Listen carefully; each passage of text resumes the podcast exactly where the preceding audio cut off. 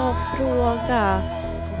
Ja, från början så tror jag att jag hade italienska röda viner, Rioja-vin och... Alltså, eh, nej, förlåt, inte Rioja.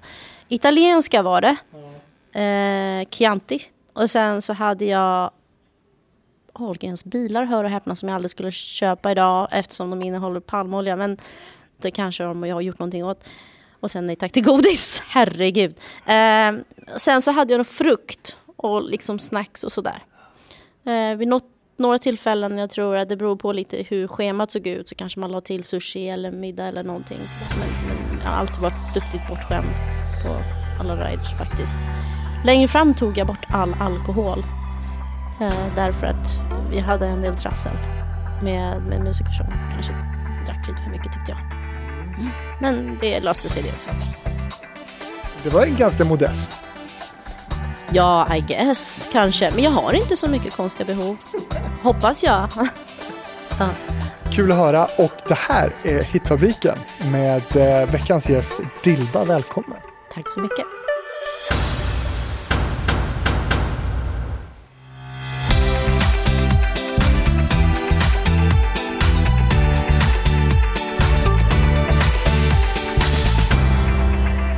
Vad kul att ses! Du, eh, om du skulle beskriva din karriär för någon som inte känner dig, känner till dig, hur skulle du beskriva den då? Ja, alltså för en, en tjej som är född i ett nomadtält och flyttat till Sverige som fyraåring så måste jag säga att den var extremt händelserik. Eh, och liksom uppväxt i, i Uppsala och i Värmland. Värmland, det fina lugnet och det där och sen så flyttar man till Stockholm och det var liksom jädrar vad det hände grejer. Eh, jag hade nog fullt upp med att försöka greppa att det hände så mycket grejer. Uh, så händelserik. Gick det fort för dig tycker du? Både och. Det gick ju inte särskilt fort innan. Jag var ju ute på turné och jag jobbade som DJ och jag... Uh, körade? Körade exakt med uh, ja, Erik och Jennifer och Titi och Blackness och Stackabo på den tiden så jag fick ju göra väldigt mycket saker innan jag släppte eget. Men, men hur hamnar du där då? För att eh, det är ju många som går den vägen och börjar med att köra. Men hur, hur hamnar du där bakom de här stora stjärnorna? Jag blev faktiskt tillfrågad för att jag tror att jag uppfattade som någon sån här upcoming talang. Um, från att jag fick liksom det första uppdraget så bara regnade in nya uppdraget. Nya uppdrag och jag var på Ricochet där när jag skrev på då mitt första skivavtal. Där jag satt i stora ettans studio bredvid Anders Bagge som hade tvåans studion. Liksom helt själv. Um, och, och då träffade man folk där. Som sa, men skulle inte du, åh vilka bra körer, skulle inte du kunna arra någonting till mig? Åh, skulle inte du kunna följa med? Sen var det så här, men du måste följa med, vi ska åka till Schweiz och, och spela eller sådär. Så det var egentligen från att jag började. Jag tror att det var resultatbaserat faktiskt. Alltså, man, jag älskade det jag gjorde. Uh. Men trivdes också bra att stå lite bakom? Absolut, det var ju bara en lyx, alltså lyxtillvaro. Man tog det ganska lugnt och kunde i Tokyo åka och titta på, nej Osaka var det, titta på världens största liksom akvarium och sen så äta någonting gott, glida ner till, göra en kort soundcheck, totalt bortskämd hela vägen och sen var det gigdags, vi hade jätteroligt. Så den som jobbade hårdast och mest, det måste, det måste ändå ha varit Jennifer i de där lägena med henne. Det är nästan alltid artisten i de där lägena som jobbar hårdast. Som musiker är det ganska glidigt. Men du Dilba, när jag söker på dig bland podcasts så kan inte jag hitta några podcasts med dig. Är det här podcastpremiär? Det är faktiskt det. Jag har tackat nej till de flesta podcasts. Jag tycker att det finns väldigt många och jag känner inte att jag är tillräckligt kunnig i, i det här för att kunna avgöra vad jag tror skulle vara ett bra forum för mig. Och sen många gånger har man blivit tillfrågad att prata om sånt som inte känns som det här är inte det här är en intressant vinkel, någonting jag kanske skulle kunna lyssna på. Men jag ser inte mig själv tillföra något av vikt i det. Um, så att det var lite annorlunda. Nu när, nu när du hörde av dig så kändes det, okej, okay, men här har jag en logisk plats. Här kan jag prata naturligt om, om liksom det jag gör Ja. ja men verkligen, det ska bli superskoj att höra din eh, historia här. Och eh, mitt första minne av dig, det måste ju naturligtvis vara då I'm sorry. Eh, men jag tänkte vi skulle spara den låten lite och prata om den lite mer sen. Men eh, jag måste bara först fråga, är, den, är det liksom för dig det största du har gjort, den låten? Um, Alltså ur en kommunikationsperspektiv, om man säger så, med publiken så är den det. Det är den som jag har fått mest feedback för. för. Det är den som har kanske berört flest människor. Um, och den som egentligen påverkade initialt, vad ska man säga, vad som hände sen i min karriär. Um, sen om den betyder mest för mig, just nu gör den det inte. Jag älskar den, men den gör det inte. Det finns andra låtar som jag, om jag ska lyssna på min egen musik, hellre lyssnar på. Vilka då? Ja men det är de senare, de som vi släppt nu till exempel på våren, It was me eller I remember you. Um, eller från tredje album Revolution-plattan till exempel Maybe eller Summer Rain eller någonting i den stilen kanske. Diamonds and Motorcars. Men den är lite plojig. Den är, den är mest busig. Det var jag och Per Aldeheim som är en förtjusande producent eh, som lekte fram den. Eh, ja, det var sådär. Vi hade liksom någonting som svängde och så utgick vi från det. Det blev en liten eh, halvhit. Ja, men då kan man säga alltså Easy är större hit eller um, Every Little Thing kanske är större. Jag vet inte. Om jag tittar på så här vad folk streamar så just nu är det ju I Remember You mest och sen I'm Sorry. Du, dina egna musiklyssningsvanor, om vi bortser då från din egen katalog, så där, vad, vad, vad lyssnar Dilba på? Oj, oj jätte, jätte, jättemycket musik. Um, jag är någon slags total audiofon. Uh, för det första är jag noga med ljud och sen klarar jag inte av buller vilket gör att jag alltid lyssnar på musik om jag inte pratar i telefon eller gör någonting. Hemma kan det vara lugnt och tyst. Men bilar och sådana störningsljud. Men okej, okay, vad lyssnar jag på för någonting? Allt ifrån klubbmusik. Uh, jag lyssnar på hiphop och soul R&B också. Jag lyssnar på Nils Fram till exempel. Jag lyssnar på, det kan vara lite opera med. Eh, men inte så ofta utan det är en, jag, som en kompositör är så har jag en tendens att, att fokusera på just kompositionen vilket gör att det blir en låt här och var från olika artister, olika band och rock givetvis också. Det känns väl som att det är så man lyssnar på musik idag? Visst är det befriande? Ja. Det är så skönt, alltså det där stolpiga, det måste vara, formatet styr känns ju bara liksom begränsande. Mm. Och det är ju skönt också ur ett skapande perspektiv att du kan göra en låt som är på ett visst sätt och så släpper du den. Och så måste du inte ha större eftertanke än att du faktiskt gör någonting helt annat på nästa. För nu funderar jag på hur, alltså, hur länge sedan var det man lyssnade på ett helt album senast? Alltså från låt 1 till låt 13? Liksom. Nej, man gör inte det. Och det, det finns faktiskt också nackdelar med det. Det är att man kanske inte har tid att fördjupa sig i saker på samma sätt som man gjorde innan. Utan man... Um, det blir mycket behovsanpassad lyssning. Nu är jag på det här humöret och vill jag höra det här. Det är inte så att ja, men ett album tar mig igenom flera olika sinnesstämningar eller berättelser som det är egentligen. Du, den första plattan då, Dilba, eh, när den skulle till att hända, just det, varför fick den det namnet förresten? Från början så hittade jag på ett namn för att det var första album så då döpte jag den till Number One. Sen kom jag på efteråt att men vänta, för vi släppte den i Japan då som Number One. Att, att det kunde missuppfattas som att jag hade någon slags högfärdshicka eller någonting eller hosta. Och så kände jag så här, men det låter jävla högdraget. Så bara, men vad ska jag komma på för namn? Nej men jag döpte den kort och gott till Dilba helt enkelt. Mm. Så fick det bli. Eh, och eh, det var ju den plattan där I'm sorry var med. Visste ni redan då att det skulle bli en så stor hit? Nej, absolut inte. Jag hade ju en ganska stor backup från skivbolaget. De trodde ju mycket på det. Men vi hade släppt första och andra singeln och det var liksom... Det funkade bra på radio. Radio tyckte om den så det var ju jättekul. Men ehm, men publiken hade inte alls tagit den till sig. Så jag, jag höll ju på att ge upp. Det var precis, jag tror det var, nej det var efter tredje singeln tror jag det var, som, som jag gav upp och sa bara, men det här funkar ju inte. Eh, det här är inte ett jobb för mig. Alltså jag, det här var jätteroligt men det här är inte för mig. Och då hade vi ett krismöte på Warner eh, med Leffe Check.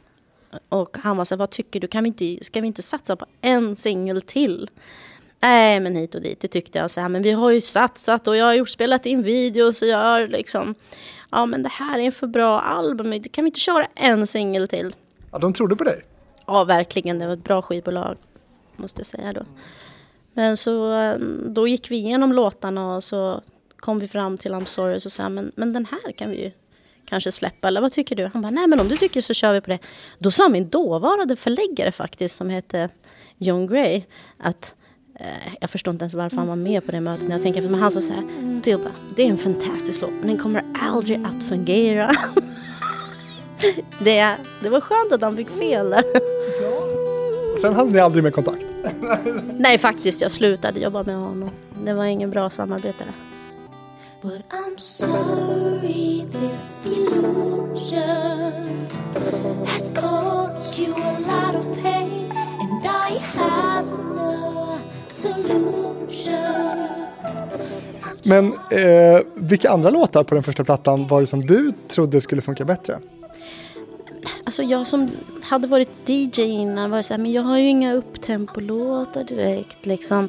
Så vi släppte Catch a Star för den var lite så gladare. Alla mina så här, Hoppa från Västerbron-låtar var lite så här, kommer någon att gilla det här eller blir alla ledsna nu? Och sen efter Catch a Star så hade vi Not Directly. Um, och sen hade vi, nu ska vi se, det var mer, jag kommer inte ihåg tredje album. Eller tredje singel, förlåt, på första. Men sen släppte vi I'm Sorry efter det. Så det var lite sådär, det, det som var skönt var ju att jag styrde och bestämde väldigt mycket hur jag ville göra. Och den möjligheten är ju liksom, har ju varit väldigt, att jag fått den möjligheten har ju varit väldigt viktig för min utveckling som artist. Och jag hoppas att artister har de möjligheterna idag också fortfarande på majorbolag. Men eh, I'm sorry då, hur kom den till? Kan du berätta om processen kring mm. låten? Det var ju så att ungefär sex av de låtarna som finns på första album, de hade jag ju skrivit redan innan och jag hade varit inne i en annan studio och spelat in dem själv. Så jag lärde mig hur tekniken funkade på Kungstensgatan, Mats Thunborgs eh, studio. Så då, där satt jag och spelade in gitarr och så höll jag på och liksom experimentera och lärde mig. Och de, det som kom därifrån, de använde vi som pre-production. Så jag satte liksom pre-production först på de låtarna och sen så utvecklade vi utifrån det. Och sen skrev jag ett gäng låtar till. Så att den låten hade jag egentligen från början drömt. Och sen vaknade jag av att jag hörde den i mitt huvud. Bara, var tvungen att springa liksom halvnäck till gitarren och liksom försöka ta ut den medan jag fortfarande kom ihåg det. Och text och melodi kom ungefär samtidigt. Fast det var ju den här gitarrslingan som var lite jobbig för fingrarna. ja, så, så kom den till. Så kom den till och låg den dig liksom varmt om hjärtat? Vad hade du för känslor från början kring låten? Vad, vad betydde den för dig? Liksom? Nej men det var väl att när man upptäcker att man själv gör misstag och att det drabbar andra. Eh, att, um, um, att dela med den liksom, upplevelsen av att, att det inte blev som man hade tänkt. Vare sig för dig själv eller för en annan person. Uh, så det är ju det den betyder för mig. Och vi är ju 96 nu. Eh, och det är innan Spotify och innan Napster och, och, allt det här. Och du har skrivit låten själv. Vad har det betytt för dig ekonomiskt undrar jag? Jo, men den har ju dragit in en del. Det har den ju.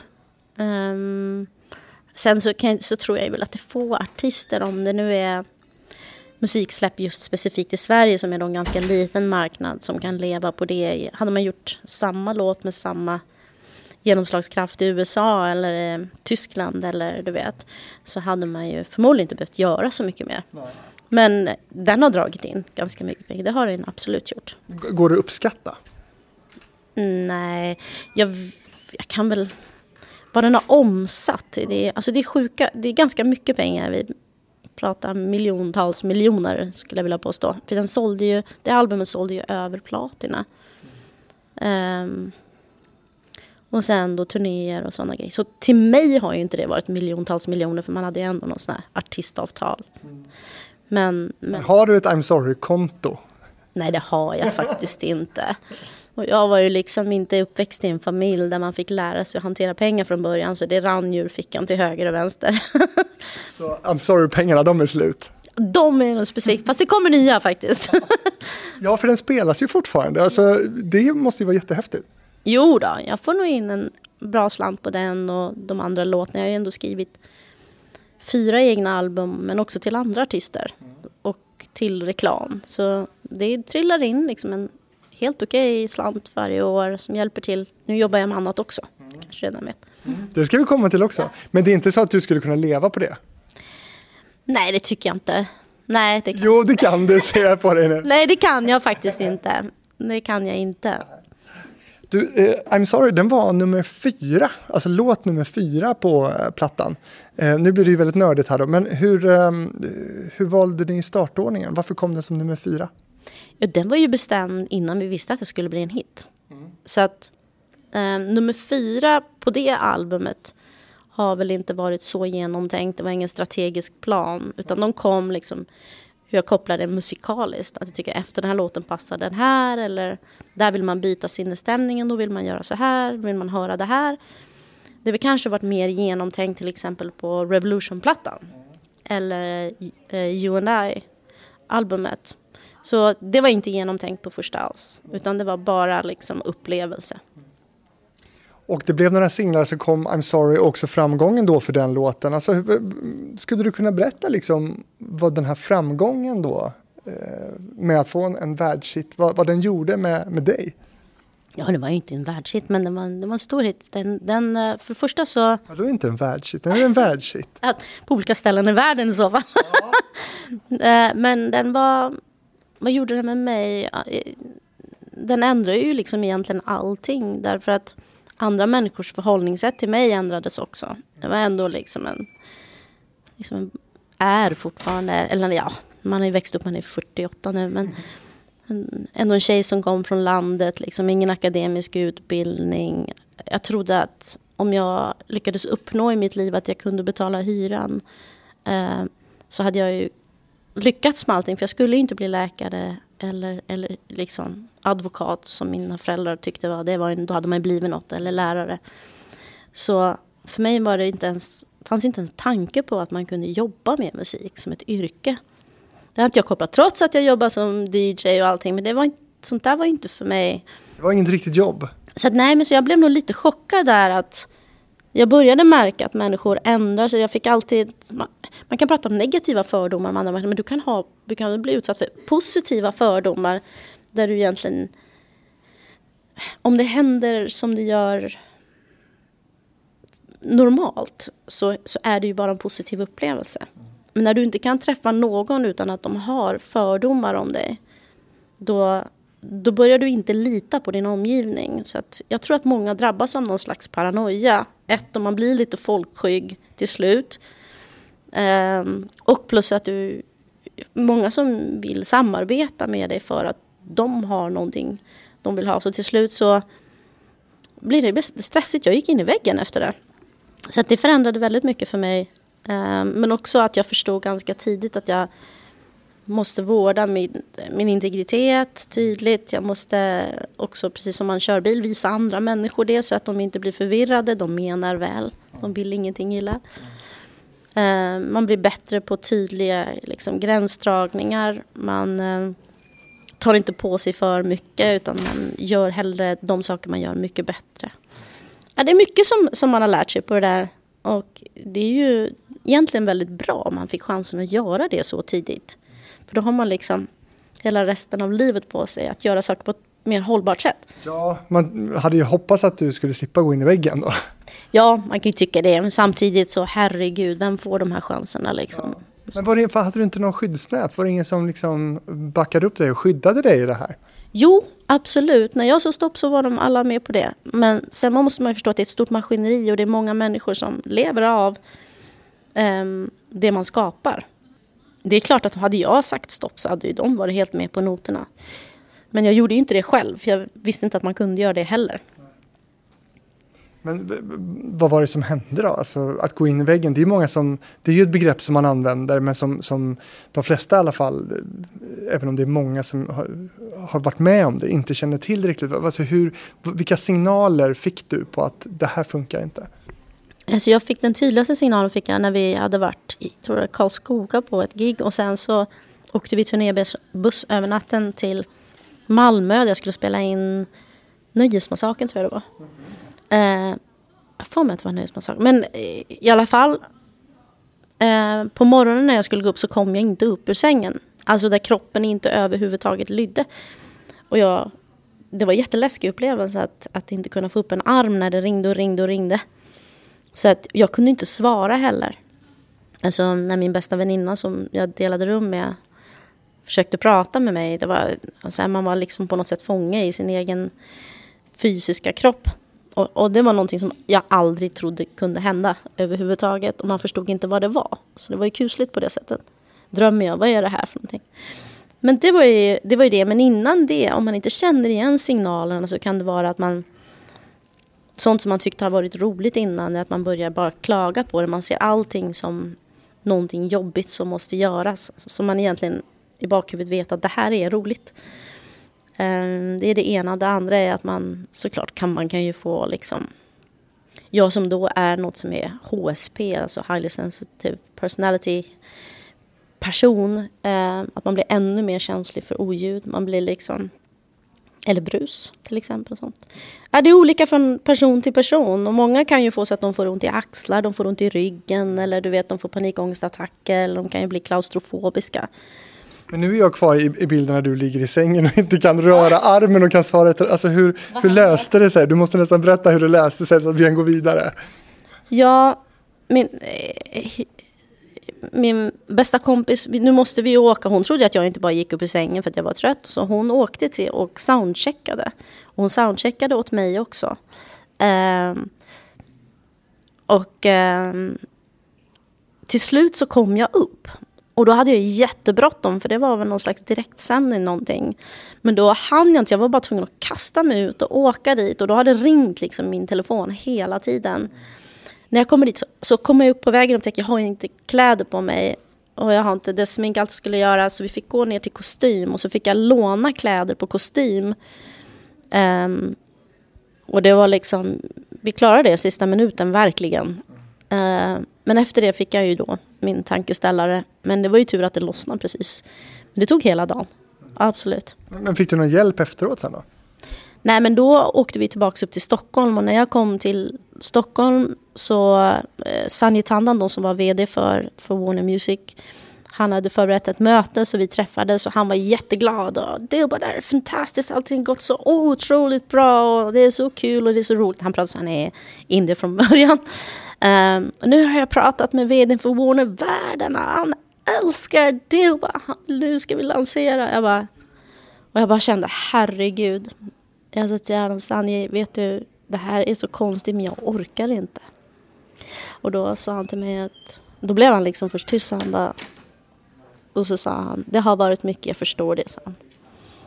Så att jag, jag var inte alls, det, det kändes bara som, åh herregud, som en enda stor så här, våg, gigantisk våg kom emot mig när han sa det. Det var så här, okej okay, det här borde vara någonting bra men nej, det är det inte. Jag behöver det tillbaks till det lilla igen liksom.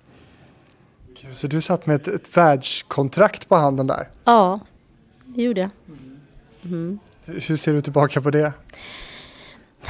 Alltså det är ju både och för det första så har jag ju lärt mig någonting som jag har haft användning för hela livet. Att känna att liksom läsa de här signalerna och lyssna på mig själv också. Att sätta min integritet före allt annat som har med framgång eller ytliga saker att göra. Och min kärlek till musiken. För den kände jag mer och mer att det slaktas här nu liksom. Nu, jag vill inte komma i ett läge där någonting som har varit mitt viktigaste språk är någonting som jag bara liksom, åh låt mig vara, jag orkar inte, låt mig vara. Men ehm, så det har jag ju behållit. Och det är jag glad för. Ja, eh, världsframgångar har väl uteblivit liksom på det. Men ehm, jag är faktiskt väldigt tacksam. Eh, och sen har jag ju också varit sån där som, det, det har aldrig varit min driv, första drivkraft på något sätt. Men I'm sorry har väl tagit dig ut i världen ändå kan man säga. Hur långt har den tagit dig? Ja, man tittar på liksom streaming så, så är det faktiskt över hela världen. Exakt, alltså alla kontinenter. Och hur, hur, långt bort har du rest med, med den låten? Ja, men längst bort är väl ändå Japan. Uh, men jag har varit på USA och ja, England, Europa givetvis. Liksom. Men kanske inte i den omfattningen om du jämför till exempel med Meja och Japan. Eller du vet, det blir så att man kanske ser det så här, ja men det var inte en jättestörsta hit, det var ingen stor världshit liksom. Men, men ja, den har nått ut. Ja. Eh, precis, för I'm sorry kom till plats tre på Sverigetopplistan, det vill säga en sammanställning då av såld musik i, i Sverige. Men etta på Tracks. Men jag blir lite förvånad ändå. Är inte det lite märkligt? Bara trea på Sverigetopplistan här i Sverige där det var en sån megahit. Ja, det kanske det är. Jag vet inte. Um, inget, inget att, du ligger och funderar på? Nej, jag tror att det kan vara så att den inte är på svenska. Alltså man sjöng på engelska har alltid varit uppförsbacke i Sverige. På, förr i tiden var det det. Det var det vill du nå ännu djupare in liksom, så ska du skriva på svenska. Så, ja, det kan vara roligt att skriva någonting på svenska men det är inte därför jag ska göra saker utan det ska vara, vara genuint liksom. Så uh, jag tror att Tänk om man hade gjort en översättning till svenska. Hur i hela fridens namn hade det låtit? Ja, hur hade det låtit? Ja, jag är ledsen liksom. Förlåt mig. ja. Förlåt mig? Ja, det hade ju faktiskt kunnat gå. Ja. ja. Men sen skrev vi nya låtar istället. Ja. På engelska? Ja. ja. Och svenska till Jessica till exempel. Mm. Eller den vi sjöng till Amnesty. Den också på Fast den har jag inte skrivit faktiskt. Mm. Jessica Folkes eh, svenska album. Ja. Mm. Där har du skrivit ganska många album. Älskar den, den plattan faktiskt. Är det sant? Jag älskar den också! Ja. Oh, jag älskar hennes röst när hon sjunger på svenska. Jag älskar Jessica. Alltså var... Man vill höra mer med henne på svenska. Och det var kul att du har hört den, ja. för, för jag hittar den inte nu. Ja, jag kan Jessica Folker. Hon ska också vara med i Hitfabriken så småningom. Det där måste du skicka till mig om du har det någonstans. Mm. Absolut. Ah, jag älskar det albumet och hur hon sjunger det. Det var ju sådär, många av de där låtarna la jag ju demon på när jag hade skrivit. Mm. Och Mohammed var ju med och skrev musiken också. Sådär. Men när man skriver texten klar, man, precis när man lägger den och så är man så här, åh vilken fin låt. Den är, det här är så jävla fin låt. Tänk om man skulle, och så bara kommer hon in och så lägger hon den här sången. Man bara, oh my god, nej det är så här det ska låta. Mm.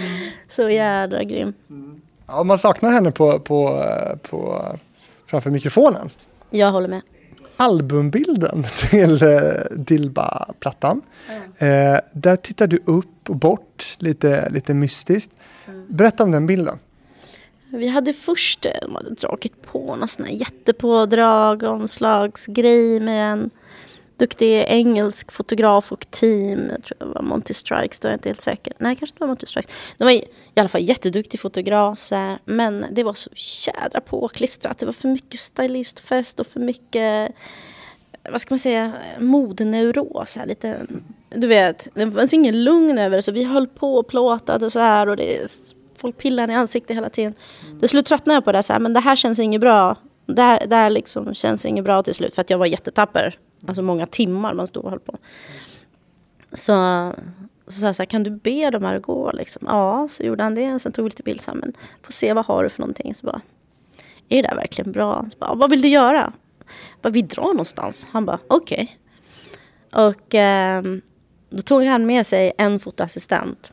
Och sen åkte vi till det här fiket, det här legendariska fiket på Nytorgsgatan och inte Skånegatan, men det är Bondegatan, vad heter den? Det med glas, det med glas ut på hörnet där. Ja, vad var den hette? Det här ser trevligt ut, ska vi ta en fika? Absolut, säger han. Och då när vi sitter där och pratar och väldigt trevligt så riggar de upp samtidigt runt om. Och det är då han tar den här bilden. Så... Och den blev det? Ja, den blev det. Det som är roligt med det då, det är ju att på ditt al andra album, You and I, så tittar du också bort på en bild, men ner denna gång. Blev det liksom ett tema? Det där var ju mer regisserat, to be honest.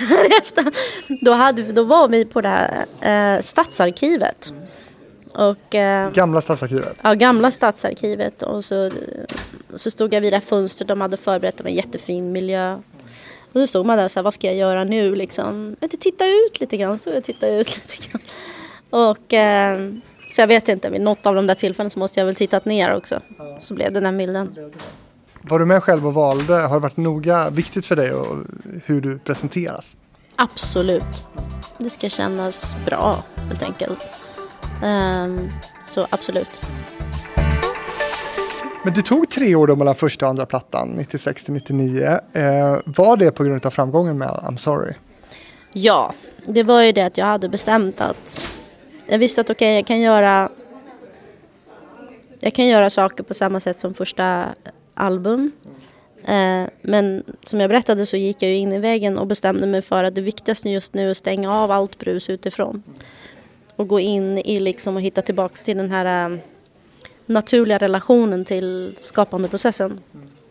Så eh, det var det jag gjorde och jag sa det att jag kommer inte göra några fler album om jag inte får göra det. Jag vet exakt hur den ska låta, jag vet exakt hur jag vill göra det här. Annars så har jag ingen lust att göra några fler men jag tror inte att det kommer bli någon hit sa jag till Mattias. Bara, men det kanske inte vi, vi kanske tror att det blir en hit i alla fall men, men du får göra precis som du vill. Så jag hade ju en så här jättebudget och jag var inne på Cosmos liksom i, och gjorde precis vilken lyx, alltså vilken otrolig lyx att kunna få göra på det sättet. Men då producerade jag helt själv och då gjorde jag saker som jag hade i mitt huvud. Och det var kul också att skriva stråkar för första gången själv, liksom, att göra de här um, mycket lärorikt också och då går man ju 100% in i det. Tillbaka in i det här lilla rummet som bara är kreativt och inga, ingen kommunikation yttre. Men upplevde du som att det ändå skulle göra då, för du var inne på det här nu, det här med att du, du flaggade för att det här kommer inte bli någon hit och sådär. Tyckte du att det var det svåra uppföljningsalbumet du höll på med? Ja, det var det, var det svåra uppföljningsalbumet för att jag var tvungen att hitta tillbaks till någonting. För jag, jag brydde mig faktiskt inte om det skulle bli en hit eller inte. Men jag förstod att andra gärna ville ha det så. Eh, men det svåra för mig var ju liksom att att hitta den naturliga lusten när man inte vill göra någonting annat, där man är vaken hela nätterna och bara liksom, det var det som kändes som det viktiga. Vi måste kanske stanna till också vid You and I lite. Om du berättar lite om den låten, för den är ju otroligt fin tycker jag. No more running, no more chasing shadows. V vad betyder den för dig? Hur kom den till? Det är ju en... Eh, egentligen både den och You Are är egentligen en, en drömbild om någonting som man, ett tillstånd man vill befinna sig i. Um, min, min, min stora syster hon gråter ju när hon hör uh, uh, You are för att till texten så egentligen så låter den ju som att man redan befinner sig där. Men det är ju paradoxalt för det är snarare det jag önskar att jag vill vara någon. Uh, you and I är väl mer uh, Alltså den är ju både det men också en mer förhoppning. Medans eh, You are mer direkt, jag är inte där. Herregud, Hur kunde, varför kunde jag inte döpa om den till någon annan? Vadå you and I och sen you are? det hade varit bättre. Man måste börja tänka på sånt när man sätter låttitlar, att man kommer prata om dem efteråt. du, sen dröjde det då till 2003. Då kom ditt senaste fullängdsalbum, eller hur? Just det. Ja. Mm. Eh, 16 år sedan idag, och så var det Revolution då. Eh, Kommer det verkligen bli ditt sista fullängdsalbum, tror du? Mm, nej, jag tror inte det riktigt. För nu sitter vi och planerar att jag ska... Mm, först vill jag säga, vi gör, vi gör ett eh, avtal på två, två, två singlar. Så här, okej. Ja, men det kommer en tredje också. Så här, men du, vi kan ju fortsätta så här om du tycker det är roligt. Så har ett album så kan vi koppla ihop det sen. Ja, så kan vi ju göra. Ja. så de här norrlänningarna är ju så sköna, de är så chill liksom. Vilket bolag är det? Nine Tone. Mm. Mm, Pontus Frisk och Patrik Frisk och de här sköna. Jag går väldigt bra ihop med norrlänningar måste jag bara berätta. Ja. Så vad är det som är på gång? Nej men det kommer ju fler låtar. Jag ska snart upp igen, eller snart upp, men vi planerar att jag skulle åka upp nu i höst också. Um, vi har börjat skriva på en låt uh, som låter färdig, om inte produktion är färdig så behöver vi göra klart. Sen så skriver vi säkert, jag skriver gärna med Pontus. Vi har väldigt roligt när vi skriver. Och det är, när man har känt varandra så länge så börjar liksom, vi skriver melodi och så formar vi melodi liksom, eller utvecklar och sen då är det som på något sätt vedertaget, då börjar han direkt. Då hör han produktionen oftast redan då. Jag hör texter och så skriver samtidigt så att folk är så här, herregud, plittar ni ihop det här på två dagar? Ja. Mm.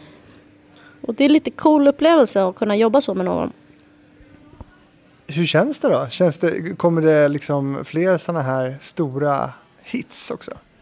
Det vet jag inte. Det är inte jag som avgör om det blir hits. Det är ju publiken. Men vad tror du? Um, jag hoppas det. Det vore kul. Ja. Uh, nej, det går inte att tro. Utan det är som sagt, det är ju liksom, jag har ingen aning om var publiken befinner sig idag.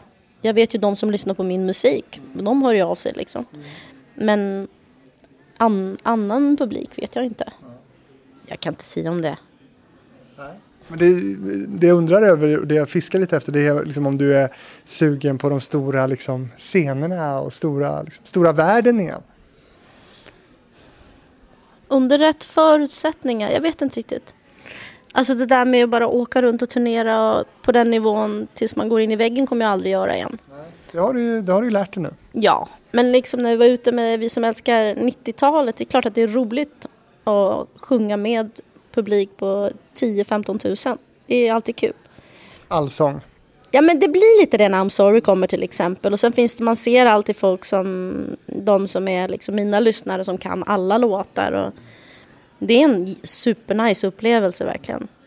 Men jag gillar också de här små giggen där det är nära och man pratar med varandra till och med under gigget och liksom. Um, ja men det är klart, lite mer än så här vore roligt. Ja. Men jag tror att jag fortfarande är den där tjejen som inte riktigt kan föreställa sig hur saker och ting skulle kunna hända lite ibland innan de sker.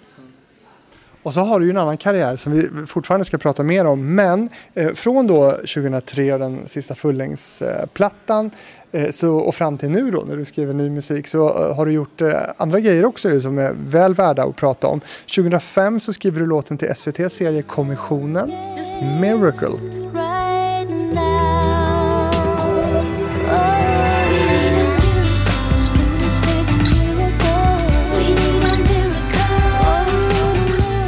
Jättehäftig låt.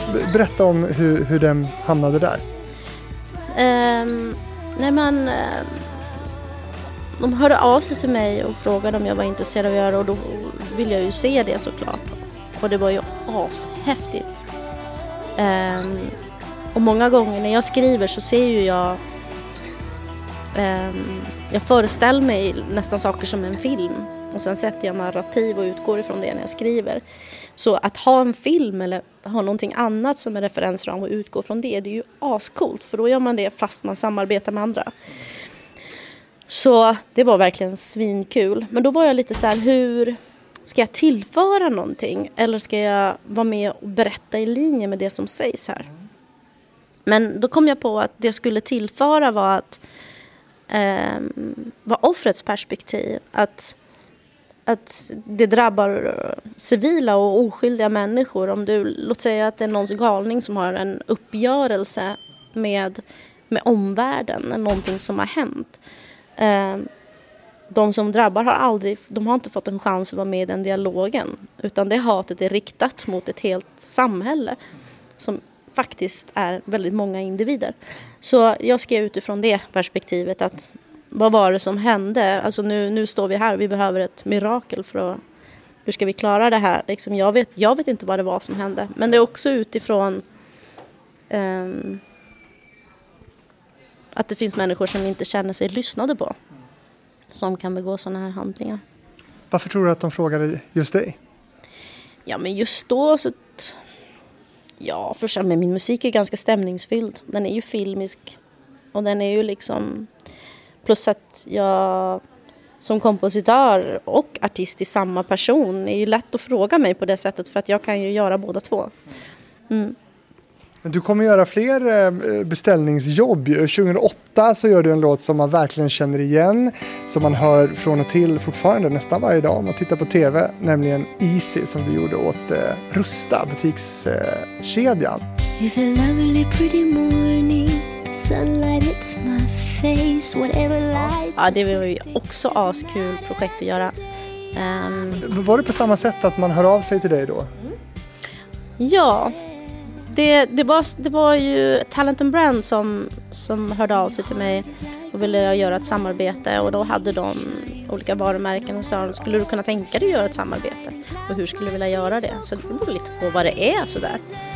Och då kom ju den här Rusta-grejen upp och eh, jag tänkte vi tar ett möte så pratar vi kring det här först.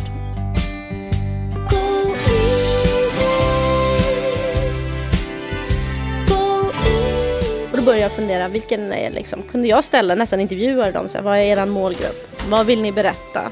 Vad tycker ni att ni är bra på? Vad vill ni tillägga? Och eh, utifrån det så började jag använda det då som referenspunkter så här att nu ska jag hitta någonting som passar deras referenspunkter men som också en låt som jag känner ärligt och genuint att ja men den här berör mig, den här tycker jag om. Liksom. Som du kan stå för? Ja, ja exakt, precis. Så det var så, så det gick till. Men vad intressant, du sitter nästan som en reklambyråagent och liksom försöker pinpointa vad du ska göra. Och hur blev det just, alltså ordet easy? Jo, det var nämligen så att jag frågade dem um, vad är tanken bakom? Vad tillför Det finns ju andra liksom, uh, kedjor som, som rustar. Så här. Jula till exempel? Ja, och sen har det kommit fler och då sa de så här att ja, men det ska vara enkelt att handla på Rusta. Som, som är easy då eller? Bara, ja, jo, precis, okej. Okay. Då tänkte jag så okej, okay, nu har vi hittat ett ord. Vad kan jag bygga kring det här som känns bra? Mm. Det är Rusta det. Det är Rusta det. kan man säga. Men du, eh, då undrar jag också så här, att göra musik till reklam, mm. eh, inte det fult? Nej, absolut inte. Eh, då är det som att säga att det är fult att samarbeta med människor.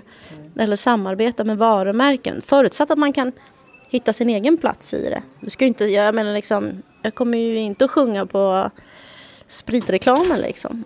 Uh, Pripps Blå hade du inte kunnat göra? Pripps Blå har ju lyckats med så mycket mer skulle jag vilja påstå. Uh, därför att de har ju varit väldigt noga med sitt varumärke liksom ur ett folkligt perspektiv. Du kan ju dricka lätt öl faktiskt också. Så jag vet inte, men det finns saker, jag, jag, tror att det är väldigt personligt. Där vissa saker som andra tycker är så här, men det där är helt harmlöst, det skulle jag kunna göra. Då skulle jag säga nej, skulle jag säga, det vill inte jag göra. Mm. Och sen finns det sånt som folk säger så här, ja men det där, var det verkligen rätt för dig? Ja, det var det. Mm. Så jag tror man bara ska försöka lyssna på sig själv. Mm. Men, men sådär i, i branschen har ju hänt väldigt mycket nu när det är så mycket som handlar just om samarbete, nå, nå ut och sådär. Så, och det är ju tämligen nytt, det har inte alltid varit så. Men, men eh, har det inte också varit så att, att, att, att man kan få höra att man har sålt ut sig när man har liksom, eh, ja, gjort en sån, här, en sån här låt till en, ett sånt superkommersiellt sammanhang? Men alltså efter så många år, jag är ju van vid att folk har både positiva och negativa reaktioner till i stort sett allt man gör därför att det är säljbart att ha reaktioner. Så att man kommer till en punkt där man inser att antingen så bryr jag mig om det och blir konstant upprörd för de negativa sakerna eller så skiter jag i. Mm. Och det är ju en bra, liksom, vad ska man säga, bra strategi tycker jag. Mm. Att Eh, om det känns rätt så... Och, och, sen är det ju faktiskt så här att om man gör någonting som är nytt, vilket det faktiskt var då, det var väldigt nytt att en artist och kompositör gjorde det där liksom med, precis som du säger, det ansågs vara fult och sellout. Men det blev ju ett jätteresultat av det, alltså de använde ju det som ett eh, som ett exempel liksom, Göteborgs universitet som, som liksom ett lyckat samarbete. Man kan inte göra nya saker och bara få klappa axeln. Det kommer inte, är det viktigaste så är man ju förmodligen de är ju inte någon som vågar gå först heller liksom, tror jag. Är det också så här som du, du fakturerar för fortfarande eller fick du liksom en klumpsumma för det, där, för det jobbet?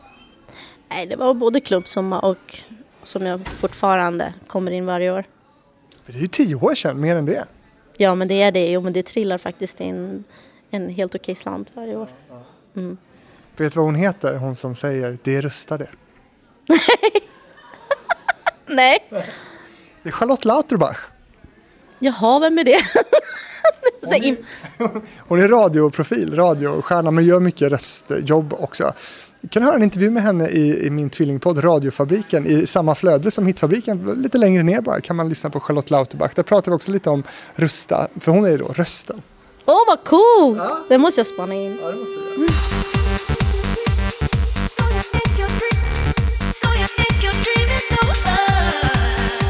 2011 Dilba, då vann Erik Saade Melodifestivalen med Popular och hamnade trea i Eurovision. Du tävlade med Try Again. En låt som gick in på iTunes första plats, hamnade på Diggelistan och till och med Svensktoppen. Men i Melodifestivalen åkte du ut direkt. Varför då? Jag vet inte, publiken kanske inte var så förtjust i den här mello, mellopubliken.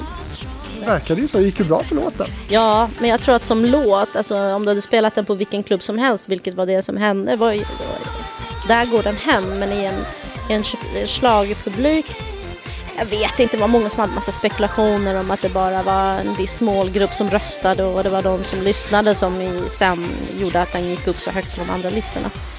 Men eh, det var ju inte riktigt ens tänkt från början att den skulle vara med på Mello utan jag fick den frågan när Björkman hörde den låten.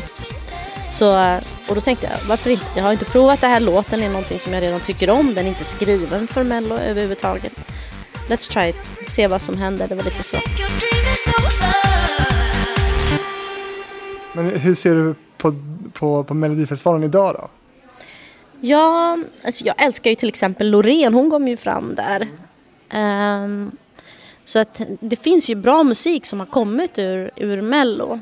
Som, som företeelse, speciellt när man har varit med där någon gång också, att jag kan tycka, jag, när jag blivit tillfrågad många år efter hela tiden, vill du vara med, vill du skriva någonting? Så bara, nej tack, nej tack, nej tack. Det är för mycket cirkus för mig. Jag är, ja, jag vill ha mitt lugn när jag jobbar liksom. Inte ha så presskonferens före efter maten och du vet Bert Karlsson ska dra någon dramastory. Jag orkar inte med det där. Ja, har du någon kontakt med Bert idag? Nej, Nej vet du vad? Nej. Han, det blev en liten beef där. Han kallade dig omoralisk. Anledningen till varför det var beef var ju för att de här bettingbolagen hade ju satt mig så ganska högt. Mm. Så han såg ju mig som ett hot och då allt som går att skapa rubriker, där var ju han inne och rotade. Så att det var, fanns ju ett syfte och en agenda med hans sätt att försöka provocera fram en beef av något slag. Och jag gick där och bara, kan de inte bara lämna mig i fred? Mm. Men som påverkade dig ändå? Du blev kallad diva och omoralisk. Det, var inte, det är inte så schysst, det är inte så snällt. Nej, men jag tror att de flesta sansade personer kan liksom ändå på något sätt lista ut eh, vad liksom, vem som kan bidra med mest moral om det är jag eller Bert Karlsson. Så att jag vet inte, jag, jag, jag lägger inte så mycket i vad Bert Karlsson tycker om vare sig.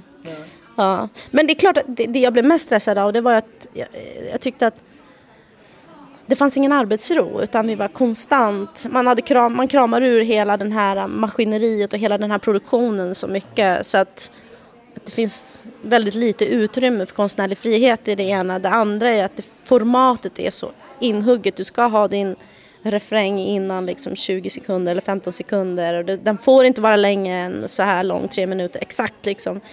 Och det är ganska trånga format om man vill göra musik samtidigt.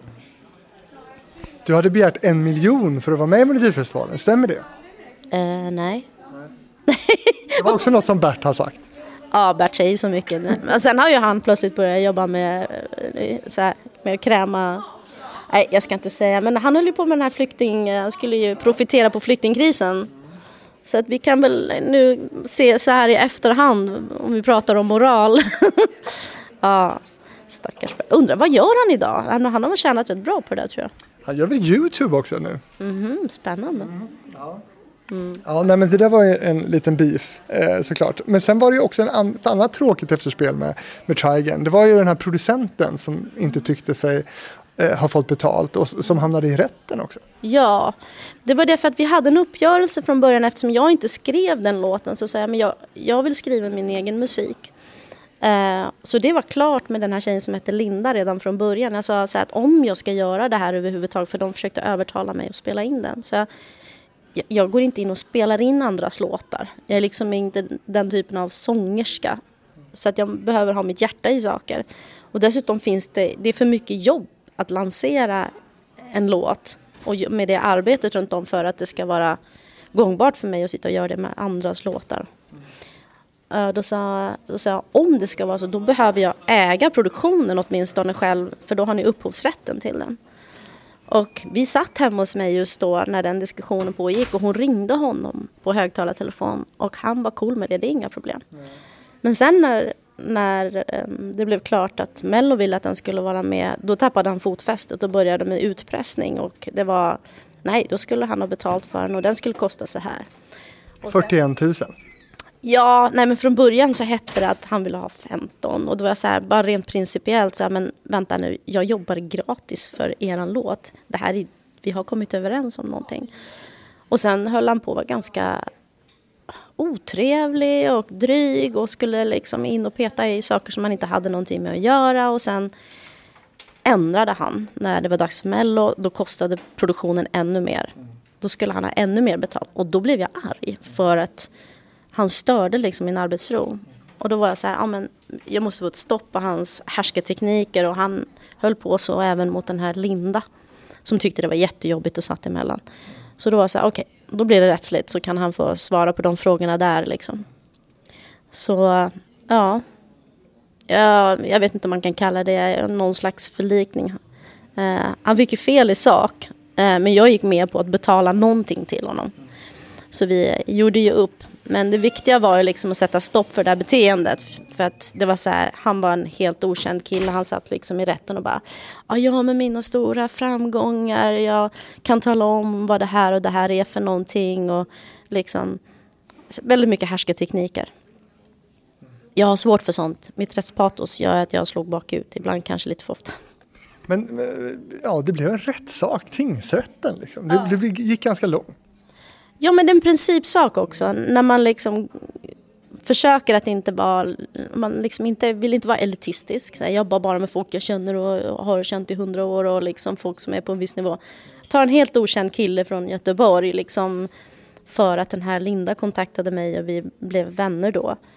Och sen beter han sig så. Då var jag så här, men vad är det frågan om? Jag jobbar ju för hans låt. Eh, hur kan han, det liksom kändes som att det var over the top, liksom next level shit. Liksom. Ja. Men vad kostar det då Try Again Day? Både ja, ekonomiskt men också ja, moraliskt eller vad säger Nej men alltså vad kostade det dig i, i uh, ansträngning och jobb? Det är enormt mycket. Alltså för det första så hela Melodifestivalen, vi betalade ju för saker i Melodifestivalen. Det var ju precis tvärtom. Uh, för det är inte gratis. Vad är, vad är det man betalar för i Melodifestivalen? Alltså du betalar ju om du ska sy upp kläder, du ska ha dansare. Vissa saker betalar de, en del av det. Men det blir ju liksom en ganska stor marknadsföringskostnad. Uh, det är det ena. Det andra är att om inte upphovsersättning kommer in, då ska du försöka få in pengar på något annat sätt. Så jag menar, jag förlorade ju, det var ju upphovsrätten som drog in pengar för uh, Try Again. Jag har bara negativ upplevelse av Try Again idag, tyvärr tack vare liksom eh, hela den grejen. Spelar du den då? Nej, aldrig. Jag gör inte det. Du hatar den? Nej, det gör jag absolut inte. Det är en, det är en skön låt. Men det finns inget hjärta i den från min sida. Tyvärr. Men kan det ha varit det som, som, som blev låtens fall? Det, ja, du menar utåt? Det vet jag inte. Det gjorde ju att jag inte ville jobba något mer för den jag tappade ju lusten. Det var bara okej, okay, vi gör det här klart liksom. Sen är någonting som inte så många vet är att du har skrivit musik till andra. Jessica Folker har varit inne på, men du har skrivit till Sarah Dawn Fine och Ola Svensson. Så vilka, vilka låtar är det? Berätta, det, det, det är jättespännande. Sarah och jag, vi skrev ju tillsammans. Um, Not the one heter den ena och den andra låten kommer inte ihåg i huvudet vad den heter. Men vi, då satt jag i min studio som jag hade då på, på, på Östermalmstorg. Eh, och det var askul. Vi skrev ytterligare en låt som jag fortfarande älskar idag som hon inte spelade in. Kanske någonting man skulle spela in själv. Ja. Ola var också jättekul. Det blir ju sådär också att när man skriver till andra som inte, inte i Saras fall, då, men som kanske inte skriver texter själva, de är inte topline sådär. Då blir det liksom att jag vill ju ändå ha deras hjärta med i varje låt jag skriver. Så det blir mycket så samtal där vi pratar om liksom livet och kärleken eller vad de vill ge uttryck för och sen så utveckla det. Lite som jag gör med Loreen just nu. Um, och sen efter det då blir det liksom att man delar den här, vad ska man säga, upplevelsen av liksom tillsammans med dem. Ehm, um, är det jag tycker det är jätteroligt. Ehm. Uh, vad, vad jobbar du och Loreen med nu då? Nej men det är ju hennes kommande. Um, Loreen är ju en ultrakreativ person och uh, hon har hon lämnar liksom ingenting till slumpen vilket jag tycker är fantastiskt. Sen har du hållit på med poker också, men nu måste vi också prata om ditt karriärbyte. För det du gör nu, eh, stor del av din tid, det är ju att du är IT-rekryterare. Ja, ja. Det är verkligen så här dayjob. Ja, verkligen. Jag har till och med ett eget bolag sedan augusti förra året som rullar på med rekryteringsuppdrag från olika kunder. Och... Skilltech. Skilltech, mm. lilla Skilltech. Mm.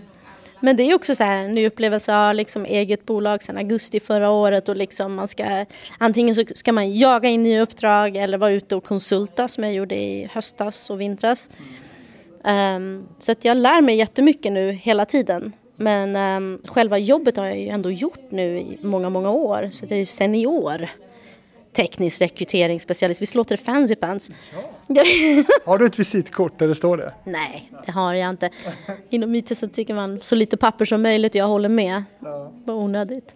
Men jag hörde att i någon annan intervju med dig att, att du berättade att, att, att du kände liksom nästan att, att du fick för lite pengar eh, mot vad du liksom är van vid nu för att göra musik och att du hade eh, helt enkelt viljan att, att gå in i det här och ha ett annat jobb och att inte vara 100% i, i musiken. Stämmer det? Ja, jag kommer inte ihåg vilken intervju det kan ha varit men det måste ha varit följdfrågor på någonting från början. Men nej, det bidrog i alla fall till ditt beslut liksom? Ja, alltså jag tjänar ju mycket mer på det jag jobbar med mitt dagjobb än vad jag gör på musiken. Om jag skulle slå ut vad jag tjänat på musiken så tror jag fortfarande att jag har tjänat mer på det jag gör nu. Eh, det är ju, då pratar vi bara den ekonomiska aspekten. Men också det här att i min bransch inom IT-utveckling så är min upplevelse att när man skakar hand på någonting eller man kommer överens om någonting då fullföljer man och uppföljer och man genomför saker. Medan inom musikindustrin är det väldigt mycket ätarsnittar och folk som liksom snackar skit och sen vet man inte om någonting blir av. Eh, och jag har lite svårt för det för jag tar ju det där överenskommelsen på blodigt allvar och jag tar mitt leveransåtagande på blodigt allvar också. Men hur mycket liksom, igenkänd blir du som bland andra IT-rekryterare tycker du? Vet, vet de om att det här är I'm sorry Dilba? Ja men det gör de nog och jag har ju många också som jag träffar och kunder och du vet alla möjliga som blir lite chockade när jag dyker upp ibland så här. Men jag känner igen... Och de vågar inte säga det sådär på rak arm ibland. Det har hänt att jag varit på möten där de inte säger någonting och sen efteråt, jag måste få fråga. Mm. sådär, men eh, det är för att också för att jag är ju så djupt inne i, lika nördig som jag är med musiken när jag, när jag går in i andra saker. Mm. Och du, om vi knyter ihop säcken här lite då, vad, vad, rent musikmässigt, för det här är ju en podd som handlar om musik, vad, vad är det, liksom det sjukaste du har varit med om i, i din musikkarriär? Eh, när du har varit runt i världen eh, och spelat och sjungit. Vad, vad är det konstigaste du har fått uppleva? Det konstigaste tror jag måste väl ändå vara någonstans när vi skulle göra ett framträdande på, på Globen på kungens födelsedag. Det var en jättestor tillställning som var tv-sänd. Um, och så hade jag gjort min soundcheck och så fick jag veta att Stevie Wonder var där. Och ingen fick vara där inne. Jag tror att det var så här, nej men alltså han gjorde sin soundcheck helt själv, det var helt tomt. Då smög jag in och satte mig där. Och jag, kunde ju, jag var ju så euforisk, jag kunde inte låta bli att applådera när han började spela och sjunga. Och då sa han så här, Who this? But Dilba. Who? I'm Dilba. Vilma? No, I'm Dilba. Okej okay, Dilba. Så blev han så jätteglad så körde han en låt och sen så applåderade jag och var så här ensam i hela lokalen typ. Och då började han fråga mig vad vill du att jag ska spela för dig? Och jag satt där bara oh my god det här händer inte. Och jag var så här could you play ass? Du vet så här, du vet. Så han spelade typ tre låtar. Och, och jag trodde det här är så overkligt drömmer jag nu. Men som grädden på moset efter det den kvällen så hade jag fått reda på att jag då skulle själv vara artist. Och då insisterade han på att jag skulle komma ut och sjunga med, med honom. Det var jag och så var det Carola, tror jag det var. Men det var också så här, nej, nej, nej, nej, nej, nej. Jag tänker inte liksom stå och göra bort mig. Det är liksom, för mig, leg legend liksom. Det är så här någonting, det betyder så mycket för mig. Lyssna lyssnar så mycket på honom som kompositör och som artist liksom. Men han insisterade, för jag sa nej först, men eh, nej. Um, han insisterade på att jag skulle göra det. Så det var stort och knasigt. Vilken låt sjöng ni? Isn't she lovely? Mm. Det kommer du aldrig glömma. Nej, det kommer jag faktiskt inte. Den är så knasig. Det är det. Hur mycket står du på scen idag då? När, när står du på en scen nästa gång? Um, jag har precis gjort det för en vecka sedan. Nu vet jag faktiskt inte, nu har jag ingenting inbokat. Nej. Men jag tror att det kommer att bli att gå in och spela in och skriva mer. Mm. Men du tackar ja till, till eh, spelningar så att säga? Ja, det gör jag. Det gör jag. Men jag har ingen bokningsbolag så att jag, jag tar det, de hör av sig till mig oftast. Dilba, nu har vi snackat en timme om din uh, musikkarriär här. Hur, hur var detta? Jätteroligt. Som jag sa till dig innan att när, när det är den här typen av, vad ska man säga, det händer inte så ofta men när det händer, när det är liksom fokus på musiken, då är det så naturligt. Och då blir det roligt på ett annat sätt. Och ni ställer oftast frågor som jag inte alls hade tänkt på. Vilket är kul. Så det är jag som ska säga tack. Fundera en halv minut på vem du skulle vilja höra i Hitfabriken så ska jag berätta att om du som lyssnar vill komma i kontakt med mig för att eh, tipsa om gäster eller ha synpunkter på innehållet i det här eh, programmet eh, skickar du dem till fabrikspost.gmail.com och eh, Hitfabriken hittar du naturligtvis också på Facebook och Instagram för dig som vill se lite bilder och annat material också naturligtvis. Eh, det är du välkommen att göra. Eh, Dilba, vem vill du höra i Hitfabriken? Jag kan komma på många svenska artister som jag skulle vilja höra. Jag skulle vilja höra Jessica Folker. Men jag skulle också vilja höra typ så här eh, Stina Nordenstam har man inte hört av på hundra år. Det vore kul att höra. Hmm, Loreen vore kul. Dregen vore häftig. Han är också så ganska kompromisslös, vilket är cool. Um, nej, det finns många. Men sen finns det musiker som jag skulle vilja höra också berättade kanske om sina karriärer, som Mattias Torell liksom. Jag menar hur, hur så många artister som han har spelat med, han har liksom alltid varit musikaliskt följbar men också ändå haft ett eget uttryck. Det vore coolt. Dilba, tack så jättemycket för att du var med i Hitfabriken. Tack själv.